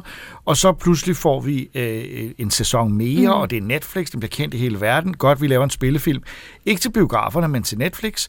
Øh, og det, jeg synes, der er prisværdigt, er, at han har bevaret stilen fra serien. Den er Ja. ikke blevet mere episk og flottere at se på. Den er bare sig selv. Det er Ja. Hilda. Men jeg vil så samtidig sige, at jeg, jeg tror ikke, jeg vil se filmen igen. Nej. Det, det, er, det, er, det er serien, jeg godt kan lide, og det er den, der, der er Hilda. Men jeg vil samtidig så også sige, når jeg kender mig selv, fordi jeg kommer til at gense Hilda, fordi at det er et rigtig rart univers at vende til. Der er direkte smukke øjeblikke, rørende, meget morsomme og, og, og absurde. Så hvis jeg først går i gang med at se sæsonerne, så kommer jeg også naturligt til at få en form for afslutning ved at se filmen. Det vil jeg ikke. Jeg vil, jeg vil være så grebet af universet, at jeg ligesom skal have det sidste fix. Så for os er det på mange måder en anbefaling, men også en, en, øh, en man kan godt filosofere lidt over, om den her film var nødvendig, men øh, Og oh, jo, men det, vi, Du vi kan kunne ikke få lov at at hænge der, at Hilda okay. Okay. skulle være en skifting. Det skulle der en form for afklaring med. Ja. At jeg så godt kunne have ønsket, at det måske bare havde været seks øh, Ja, små ja, en- afsnit. en- en ny sæson, altså. Ja, en ny sæson, Ja. som gjorde det. det, det men må, må også det er en, en tidsting, at man ligesom, nu, nu skal det være slut. Nu Mm. får vi en film. Og det, jeg synes ikke, man kan sige, at det er en dårlig film. Øh, øh, jeg synes bare, at Hilda passer bedre til, et lidt, til de lidt kortere historier. Men altså, Hilda and the Mountain King, kan man lide Hilda, skal man helt klart se den. Og har man ikke mødt Hilda, øh, Så skal man skynde sig. ja, fordi det, det er- bliver en, en berigelse af ens liv. Og man kan jo bestemt, man skal starte med de første episoder i sæson 1, og så øh, kan det jo være, at man ender med Hilda and the Mountain King, som bare behagelige 70, fem, nej, 85 minutter, som trods alt er kortere end, end mange øh, længere film, øh, og en, en længde, der gør, at man i hvert fald ikke keder sig, selvom det måske er bedst som kortfilm. As long as you are out here, that troll is your mother. I should still be out there looking for her. This place is really something. Have you ever wondered why we stay here? When we are so clearly unwelcome.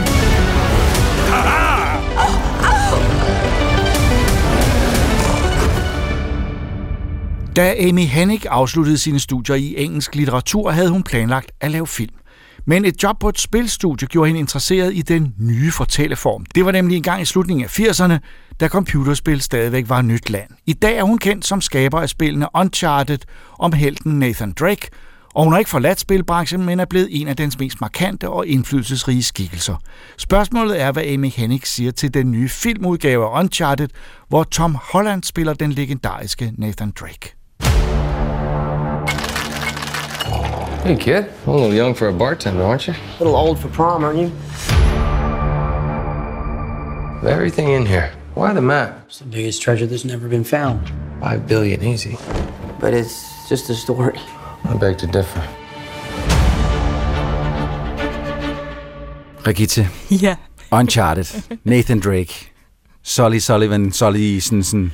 Det er skønne navne, du nævner. Ja. Ja. Øh, Dejlige spil. instrueret af Ruben Fleischer, ja. som visuelt i hvert fald kan man se, vidste godt, hvad det var, han lavede. Mhm. Mm-hmm. Øh, og hvor øh, er den her film, Uncharted-film, er kommet fra.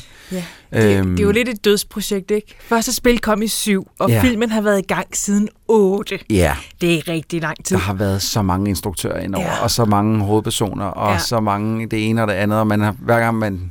Så et, et par gange har man siddet og tænkt, oh, det var et spændende valg til instruktør, eller Ja. oh, det var et spændende valg til Ja. Nathan Drake. Og så er det blevet ændret igen. Og så Og kom igen. det ud, at Mark Wahlberg skulle spille Nathan Drake. Og der sad jeg så og tænkte, det er ikke perfekt. Men jeg vil okay. gerne have haft Nathan Fillion eller Nolan North, som Ja. lægger stemme til ham selv, vil jeg gerne have haft. Men jeg kunne godt lidt se det. Ja. Så gik der fem år mere, tror jeg. Endnu, ja, det var tilbage i 10, at Ja. Mark Wahlberg skulle have været Nathan Drake. Ja, ja, så gik der simpelthen, øh, så gik der, ja, det er så 21 år, 20 år før, det, at de kom i gang med at skyde den. Og så følte de alligevel, at, at Mark Wahlberg som, som Nathan Drake var forkert. Var han var blevet for gammel, nu er han blevet for gammel, ja. Så han skulle så blive rykket til at spille Sully. Nathans surrogatfar, som er i hvert fald 60 i spillene. Men her, ja, det måske kan vi snakke om til at starte med. Vi skal nok komme til, hvad filmen handler om alt det der. Men det her, det er jo et stort fejlcast. Ja, Hele der- vejen rundt. Tom Holland er jo, en- er jo Nathan Drake. Ja. Øh, og han skal jo være ung. Han skal være yngre, end han er i spillene. han. Så det er jo, og Tom Holland ligner jo en på 14. så det er jo rigtig fint ramt, ikke? øh, og han spiller lidt samme rolle, som han gør i Spider-Man, synes jeg. Ja. Han er fuldstændig samme type. Ja. Sådan lidt smart, lidt akavet. Øh, og det, han er bare ikke Nolan, eller han er ikke øh, Nathan Drake, for ja. mig i hvert fald. Det tror jeg ikke, for alle dem, der har spillet spillene, jeg, der tror jeg ikke, man tænker, det her det er bare rigtig godt castet. Nej, og, det, og, altså, og meget af det kommer jo, altså en ting er, hvordan man ser ud. Det, det kan man jo altid komme forbi, Mm. at, der, at der nogen måske ikke lige ligner rollen helt, men hvis de kan spille den godt. For jeg synes egentlig ikke, Tom Holland spiller dårligt i den Nej, her. nej, han er bare ikke Nathan Han er Drake. bare ikke Nathan Drake. Han, det virker, øh, jeg, jeg har også fortalt, at jeg synes, det virker lidt som om, at Mark Wahlberg har fået manuskriptet først, og så har han set alle de fede one-liners og sagt, dem tager jeg lige i stedet for. Fordi at, at der, øh, jeg, jeg lænede mig ind til dig, øh, i- mens vi sad i biografmørket, og så siger jeg til dig, jeg kunne faktisk godt have set Mark Wahlberg som Mm. Nathan Drake, fordi han har en del af de one-liners, som Nathan Drake normalt ville have haft. Han er jo sådan lidt en kæphøj type, ikke? Øh, og det, det er Mark Wahlberg også i den her. Ja. Han kunne sagtens have fungeret. Det er Solly altså ikke spillet. Nå. Nej. Men lad os lige komme til historien, inden Ja. vi går videre. Og så er de bare for poleret begge to. Ja, de er for de, er ikke, de er ikke rå nok. Nej, Og, nej, nej. nej. Men lad os komme til historien. Vil du Ja. ikke fortælle, hvad den går ud på? Jo, øh, den har jo taget rigtig meget historie for fireren. Ja. Øh, vi har en meget ung Nathan Drake den her gang. Han arbejder som bartender i New York. Han hapser lidt fra kunderne. Han stjæler fra Han stjæler mennesker. simpelthen. Det, det er heller ikke rigtigt, hvad man havde forestillet sig, men det gør han altså. Øh, Solly opdager det og siger, jeg kan godt bruge dig til øh, et, noget, jeg skal, et eventyr. Mm. Øhm, han har arbejdet sammen med Nathans bror Sam. Ja. Øh, så derfor kender han ham. Og han får så overbevist Nathan om, at det skal han da, så de skal stjæle det her guldkors Mhm. mm-hmm. fra en auktion. Også noget, der sker I den grad, når der sker i. Også, ja. ja. Og så viser de så vej, det her. De fungerer som slags nøgler til en kirke i Mm. Barcelona. Og det skal så vise videre til en guldskat på et skib, der er forsvundet Ja. for mange hundrede år siden. Det er Magellan, øh, den, den, ham der er blevet krediteret som værende den første, der rejste jorden rundt. Øh, han skulle efter sine have samlet en masse skatte sammen, guldskatte sammen, og, og det er den skat, de leder efter, som Ja. ja. i den grad også er er handlingen i firen, hvor i stedet for Magellan, der er det, så vidt jeg husker, 12 piratkaptajner, som har Ja. slået sig sammen og lagt deres skatte sammen, og det er det, man så skal finde i firen. Her er det så bare kun Magellans, men man finder så ud af, at det måske ikke kun er Magellan, der, der er noget mystisk, der bliver kaldt de 18 og sådan noget. Det skal vi ikke spoil for meget selvfølgelig, men, men, øh, men det er en stor Men den har taget rigtig meget historie Det fra fireren. Ja. Og også set pieces, Ja. øh, som du selv nævnte, Mhm. hvor at øh, øh, selvfølgelig øh, hele auktionstingen der, det er jo øh, revet direkte ud af firen. Øh, og der, det er der, der er også et, øh, det er så ikke et klokketårn her, men der er øh, en på et tidspunkt, hvor de er nede i nogle katakomber, så er der sådan en, en, en kameratur op igennem en stor cylinder, som fuldstændig er som taget ud af klokketårnet fra firen, hvor at, at Drake han skal løse en opgave ind, i- og, og slås, slå på nogle klokker og sådan noget. Ikke? Ja. Øh, og så er der også en enkelt scene fra toeren, som vi også har set noget af i traileren, hvor han ryger ud af et fly. Og det fra træeren. Er det fra træeren? Ja. Undskyld, det er er, træeren, ja. en- det er en super ikke. fed action scene. For Nå, jeg toeren, det er det med toget øh, på. Ja, det er rigtigt. Det er en ja. super fed action fra træeren, hvor han falder ud af et cargofly. Yes. Øh, og så, der er action i frit fald, og han ryger ind og ud af flyet, og det, så det fungerer super godt i spillet, og det fungerer faktisk også rigtig godt i filmen. Jeg synes også... Altså, det var der- en fed scene. Der er mange... Altså, og det er det, der... Det er det, der er lidt irriterende med den her film. Det er, at jeg kan, ikke, jeg kan ikke så godt lide den. Det kan jeg lige så godt sige nu. Spoiler alert, jeg kan ikke så godt lide den. Men der er nok ting, der fungerer, til den ikke er straight up af helvede til. Det er jo det, og vi har jo gået i, været i 10 år, Troels, og, og set frem til den her film, men heller ikke helt, fordi det så ud til, at der gik mere og mere galt. Yes. Og vi tænkte, den her film, den bliver så dårlig. Vi var parat til bare at svine den til. Ja. Og jeg sad simpelthen undervejs i filmen og tænkte, det her, det er egentlig meget godt. jeg kan egentlig godt lide det her. Øhm, hvis jeg bare glemmer, at det er en Uncharted-filmatisering, yeah. så er det egentlig en okay actionfilm. Ja, jeg, jeg er tilbøjelig til at være enig med dig. Altså, jeg, jeg, det eneste, hvor jeg sætter foden lidt ned, det er, at jeg er kun med dig de første 40-45 minutter. Fordi at det, det er klart det, jeg synes, det fungerer bedst. Øhm, så begynder vi at komme hen mod øh, filmens tredje akt, hvor at der skal til at ske rigtig mange ting, og der, der synes jeg, den virker både rushed, og der sker øh, alt for mange ting, hvor jeg sidder og tænker, det der, det er simpelthen så sindssygt dumt. Altså folk, der teleporter ned fra jorden op i en helikopter pludselig, og, og, der- og, og nogle skib, ja, ja, det Ja, går men der- fuldstændig bananas. Der og, sker mange dumme ting. Også de, har, de er i sådan en skattejagtscene, nærmest sådan lidt Da Vinci-mysteriet eller, eller National Treasure-agtige den der kirke, hvor de der kors fungerer som nøgler.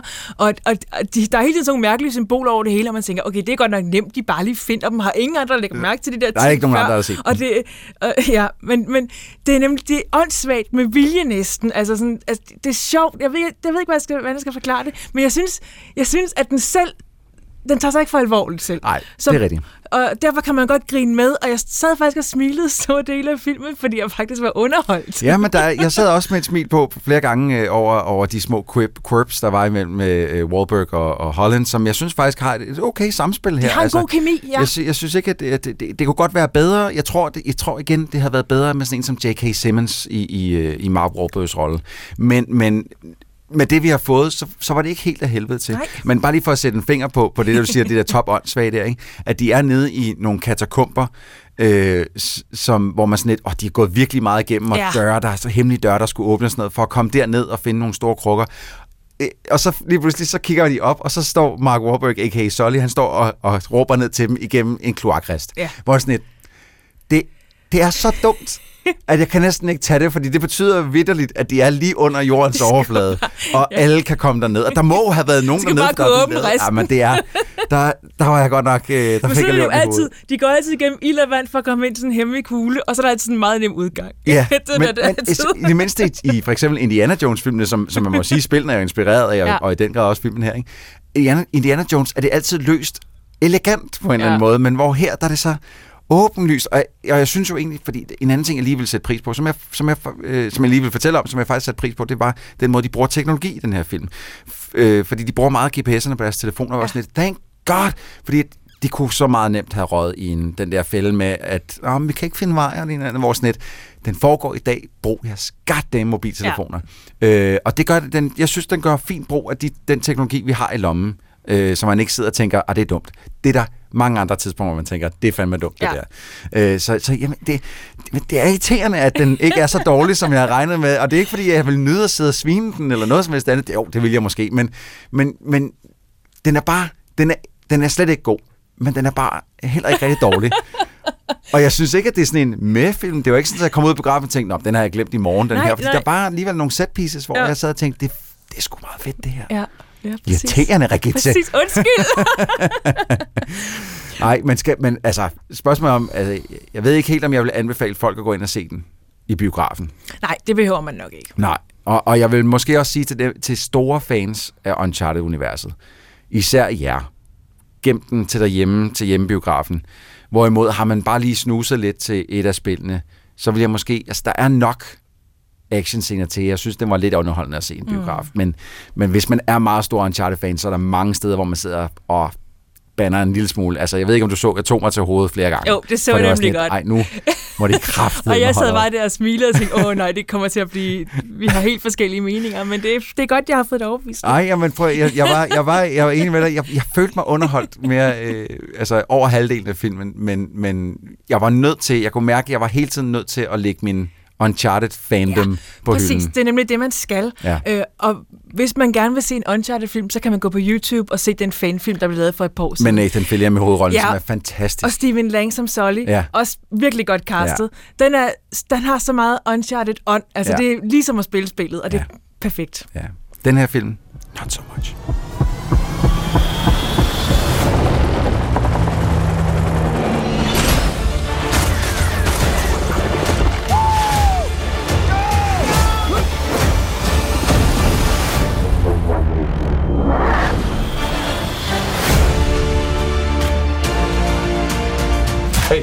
Put them down, boys. What is that thing on your face? Yeah, puberty's right around the corner, kid. You can grow your own. I 1994 kom der et lille spil til arkadekonsollen Neo Geo. Det var et frisbee-spil skabt på det japanske spilstudie Data East. Ikke et spil, vi havde regnet med at se igen, men nu har det franske spilstudie .emu skabt en helt ny udgave, Windjammers 2, som er stort set ude til alle platforme. Og Troels og Christoffer har prøvet det på... Øh, og hvad har I prøvet det på? Han har spillet på Switch, og jeg har spillet på PC. Round one.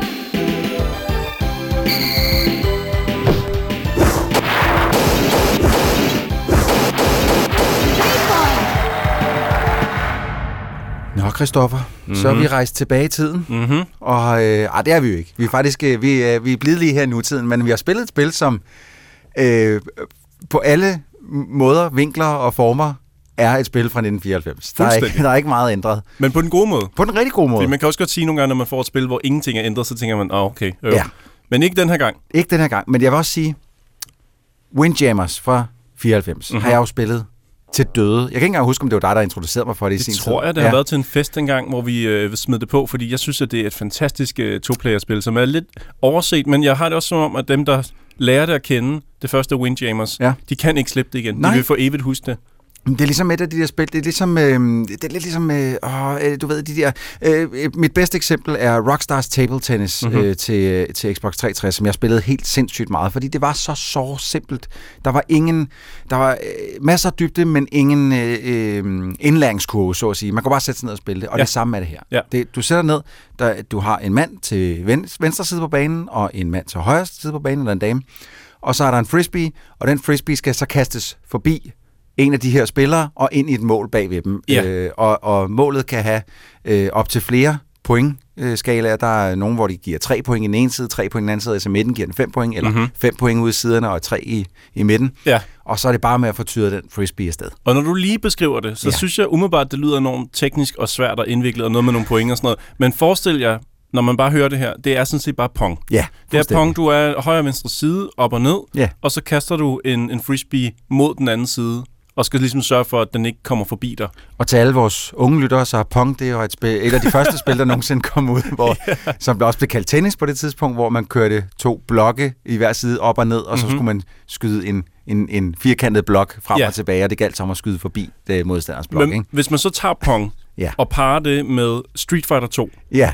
så har man Det det, vi snakker god. om her. Ja, det er meget god. Det er, altså, du tyrer ting i hovedet på hinanden med Ja. special moves og hopper op i luften og griber den. Og, altså, men det hele er jo meget, meget simpelt, fordi det hele bliver set sådan lidt oppefra. Ja, en og, lidt isometrisk vinkel, vil jeg næsten kalde det. Og der, banen står, banen står stille. Det er Ja. ikke ligesom i FIFA, hvor du løber frem og Nej, tilbage. nej. Sådan noget. Alt står stille, og så bevæger du bare højre side op og ned og kaster en frisbee mod hinanden. Og så, ja, lige præcis. Og øh, øh, igen, der, der er tid på. Jeg vil sige, glad for, at de har øh, i det originale fra 94, der var, øh, havde man 30 sekunder eller sådan noget per halvleg, Mhm. som hvis man kom mere end et mål, så at sige, bagud, så var det lige pludselig meget svært at hente, Ja. fordi tiden gik stærkt. Ikke? Her har de altså oppet tiden til øh, halvanden minut nærmest, eller sådan Ja. noget per, per kamp, hvilket er rigtig godt.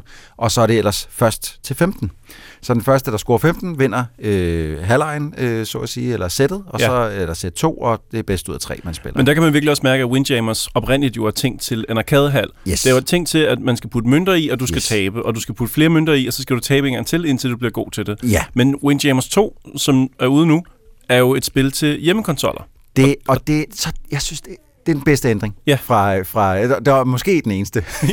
det er tæt på. Det er tæt på. Det er de simpelthen, fordi at jeg, det, det var det eneste, jeg savnede gammel, det var, at alting gik så hurtigt. Ja. Altså, man vil, lad mig nu spille lidt længere, fordi Ja. ja. det, er, det er virkelig øh, øh, den pureste form af sjov, man kan have. Mhm. Øh, Meget intenst. Helt sindssygt. Altså, øh, vi, jeg, jeg tror, inden vi går hjem i dag, så skal vi to også lige sidde og spille lidt mod hinanden, hvis vi lige kan finde 10 minutter her. Der, fordi Yes. det, er, det er simpelthen... Øh, det er et af de spil, det er det, hvor man lidt har lyst til, at, og når man sidder og taber, og så bare give modstanderen, øh, der sidder ved siden af en, en lammer. Ja. Fordi det er sådan et, for helvede. Jamen, det er ren frustration, men det er frustration på den måde, hvor hvis du taber mod øh, computeren, når Ja. du spiller mod altså spillet, og du taber, Mhm. så bliver man meget frustreret, men man ved også godt med sig selv, hvad man gjorde forkert. Kender du det? Yes. Altså, fordi nogle gange så kan spil være frustrerende, fordi man tænker, okay, det her er ikke lavet ordentligt.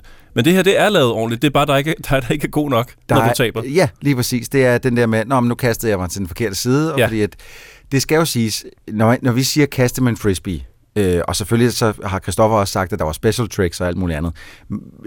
De special tricks er rimelig sindssyge. Ja, ja, Altså, det er jo noget- ildkugler og ja. Ja. laserskud. Og, og øh, hvad hedder det, øh, jeg kan lige prøve at nævne et par af dem. En af dem er, hvor det, din, der går ild i frisbeen, og så begynder den at lave sådan nogle cirkler rundt på banen, og så skal du sidde som modstander og prøve at gætte, okay, hvilken side har den tænkt sig at ende i den her? Ja. Øh, og så er der sådan et uh, The Laser Shot, hvor man kan, øh, øh, frisbeen bliver kastet ud, og så kommer der ligesom sådan en, en, en, øh, en, en, en laserhale efter den, og så kører den sådan i zigzag nærmest op, indtil den ender i enten øh, den topsiden eller bundsiden, Ja. øh, hvor man skal prøve at gætte, hvor fanden kommer den her hen. Første gang man ser det, der tænker man, det her spil, det, kan jo, det er jo unfair, fordi du kan jo ikke, den kan du ikke gribe. Men det kan når- man godt. Men det kan man godt, og der er counter moves til alle moves. Det er derfor, det Yes. føles som om at spille Tekken eller Ja. Street Fighter, fordi det er enormt simpelt, når du lærer knapperne første gang. Så tænker du, nå, der er ikke mere til det end det. Mm. Og så graver du ned i det og finder ud af, okay, det her, det er virkelig, altså, der, der, det, det byder på meget, det her spil, faktisk. Jeg måtte lige have fat i det der på et tidspunkt, fordi øh, øh, jeg blev ved med at tabe til en modstander, som, som øh, lavede sådan et trick, hvor han, han, øh, han, når jeg kastede frisbeen meget hårdt hen mod ham, så slog han ligesom frisbeen højt op i luften, og så hoppede han op og tog frisbeen, og i stedet for ligesom at kaste den normalt, så dumpede han den bare ned på min bane, ja. så den ligesom bare landede, og så mister man, øh, kan man miste mellem to og fire point, tror jeg det er, Yes. hvis, hvis man ikke griber den. Ja. Han, han Øh, lagde den bare fladt ned på din Han side lagde af den bare fladt ned på min side af banen, hvor sådan et, hvad er det for en bitch move? St- Stop og jeg kunne ikke gøre noget ved det, fordi han blev ved at gøre det på et tidspunkt, hvor jeg sådan "Ej!" jeg havde Ja. ikke set nogen andre gøre det før, så vi, jeg må lige have en snak med ham. Har du prøvet, hvordan gør det lige det Mm. der? Fordi at, det synes jeg godt nok var, øh, var et virkelig tav- tavligt. Men der skal man til at kombinere nogle, fordi det er jo sådan noget med, at læs hans kast, hop op, grib den i luften, og når du er i luften, så tryk på den knap, hvor man lopper den, yes. Så den falder fladt ned på hans. Altså det er mere indviklet, end det lige umiddelbart ser ud, når man, når man starter. Ja, øh, men det er, og det, øh, det, det er jo det, der kendetegner et hvert godt spil. Det er det, som er nemt at lære, men svært at mestre. Og Lige det præcis. er Windjammers, øh, både et og to for den sags skyld, virkelig øh, altså et, et, et studieeksempel på. Ja. Det er, øh, sæt dig ned og spil det, og så tænker man meget hurtigt, wow, det er Ja. svært det her, men jeg, jeg føler, at jeg kan finde ud af det.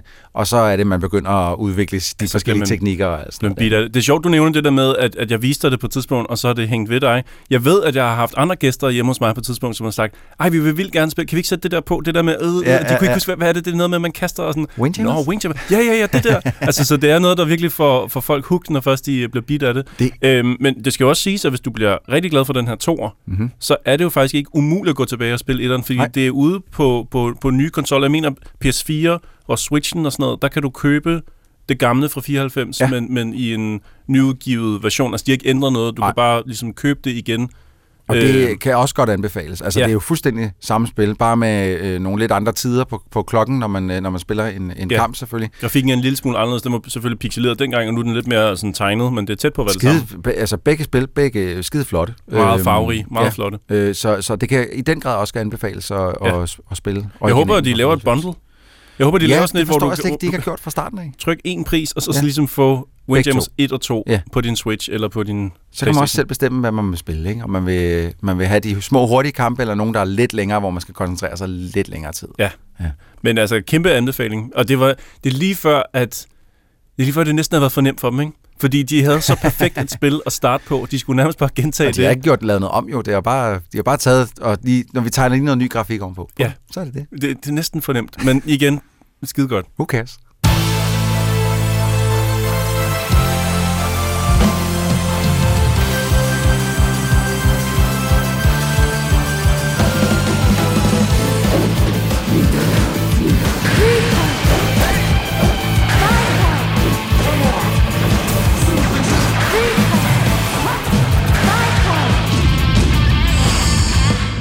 Belgieren Hercule Poirot er en af de mest særprægede detektiver blandt de mange, og han har optrådt på film og i tv i utallige udgaver siden Agatha Christie skabte ham for lidt over 100 år siden.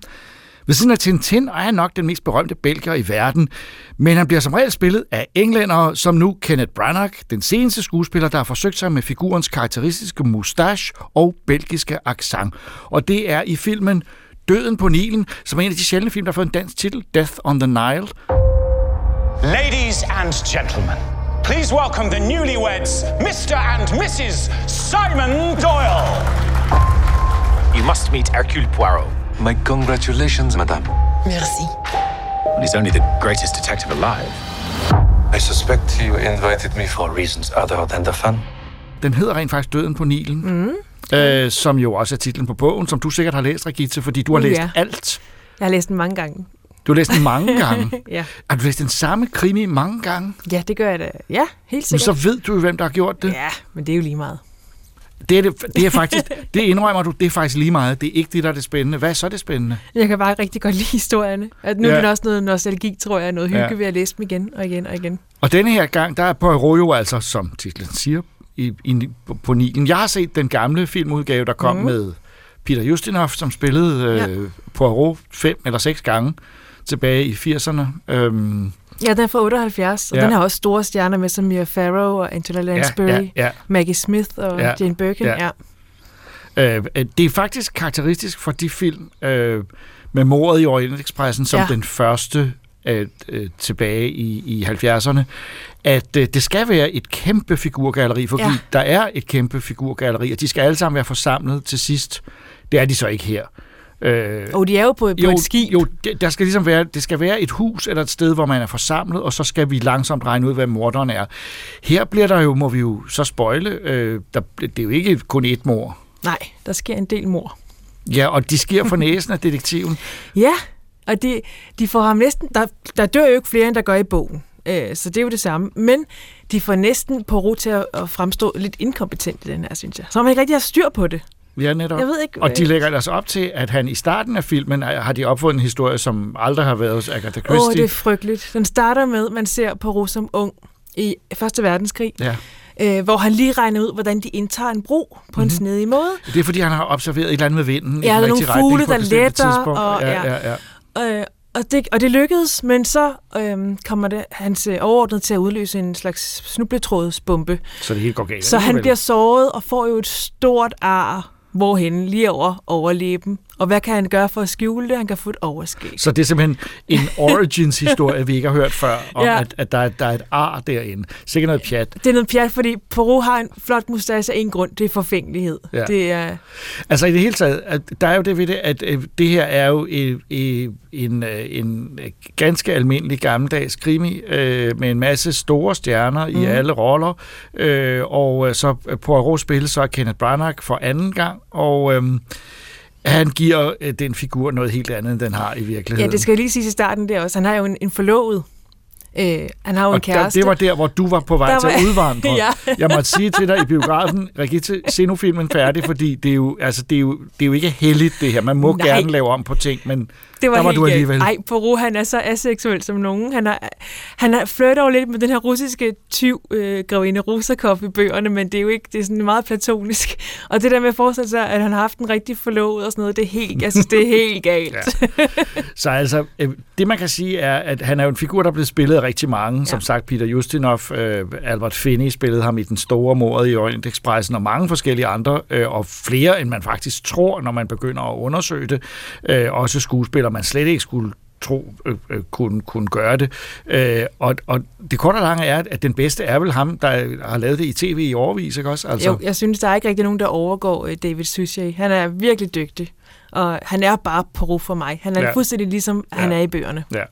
Så altså, hvis vi skal sige noget, øh, Poirot er en fascinerende figur. Plotsene er klassisk øh, whodunit af, af Agatha Christie. Øh, et super indviklet og, og øh, med masser af red herrings øh, undervejs, altså falske spor. Ja, plottet er jo stadig godt, og det er også tro mod bogen, men jeg synes, de formår at gøre det jeg synes, den var lidt kedelig, og jeg ved, nu jeg, ved jeg jo godt, hvem morderen er, men det plejer ikke at betyde noget for mig, øh, hvem der har gjort det at vide det. Men jeg synes, her, der kommer det til at virke langtrukken og lidt, jeg ved ikke, der var et eller andet, der ikke fungerede. Og det er jo også et, det er et fint cast også af den her film, men jeg synes ikke rigtigt, det fungerer. Nej, det er ikke særlig godt instrueret. Kenneth Branagh er ved at tabe, øh, at det, der er ikke meget gang i ham. Jeg vil sige det på den måde, jeg, øh, jeg vidste ikke, øh, hvem morderen var, da filmen startede, og nu hvor jeg har set filmen, kan jeg ikke huske det. Så jeg kan ikke spoile det. Så lidt betød det for mig. Øh, jeg kan huske undervejs op, udpegede jeg en af dem, som er morderen, som morder øh, og, og havde ret. Øh, og det er lidt det, man også skal gøre i sådan nogle film her. Ikke? Også man skal selv sidde og holde øje. Og dem, mm. der ser allermest skulende og skumle ud, kan det aldrig være. Nej.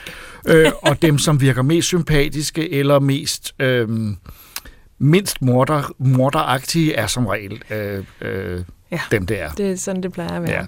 Men det øh, der med, de har gjort Poirot, de har prøvet at gøre ham til et menneske, eller gøre ham menneskelig i den her det film. er han jo ikke. Og det er han jo ikke. Han er jo sådan en karikatur.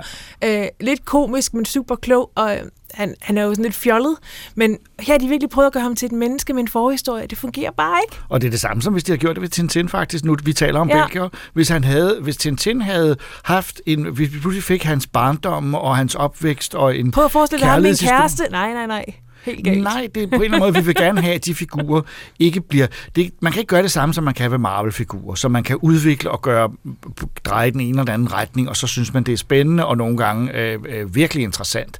Det dur ikke. Han skal være den fan. Er det ikke sådan, du har det? Jo. Ja, og det tror jeg, mange Agatha Christie-fans har. Så er man fan, man kan ikke engang sige, at man skal vist være ret stor Agatha Christie-fan for at se den. Man skal netop ikke være Agatha Christie-fan for at se den her film. Nej, i skal man læse bogen igen, og så skal man se udgaven fra 2004 med David Suchet, som har en meget ung Emily Blunt øh, en ah, af rollerne. Der var lige lidt ekstra der. Og det er jo en tv-udgave. ja. Desværre tror jeg ikke, man kan streame den lige for øjeblikket her i landet. Øh, Nej, vi må men, få DR til at købe dem igen. Ja, det synes jeg, vi taler med, med vores, vores venner øh, på DR og spørger, om de ikke vil købe nogle flere Poirot øh, af, af den klassiske serie med David Suchet, og så prøver vi at glemme alt om Kenneth Branagh. What do you want me to say? Someone else is dead.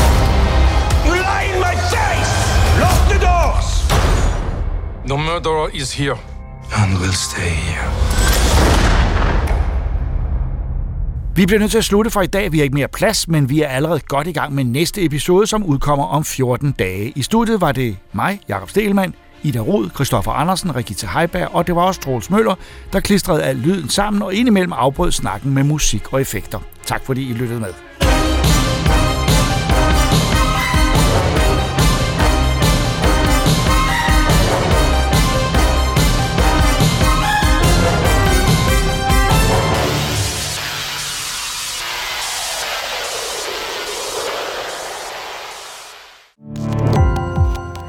Gå på opdagelse i alle DR's podcast og radioprogrammer. I appen DR Lyd.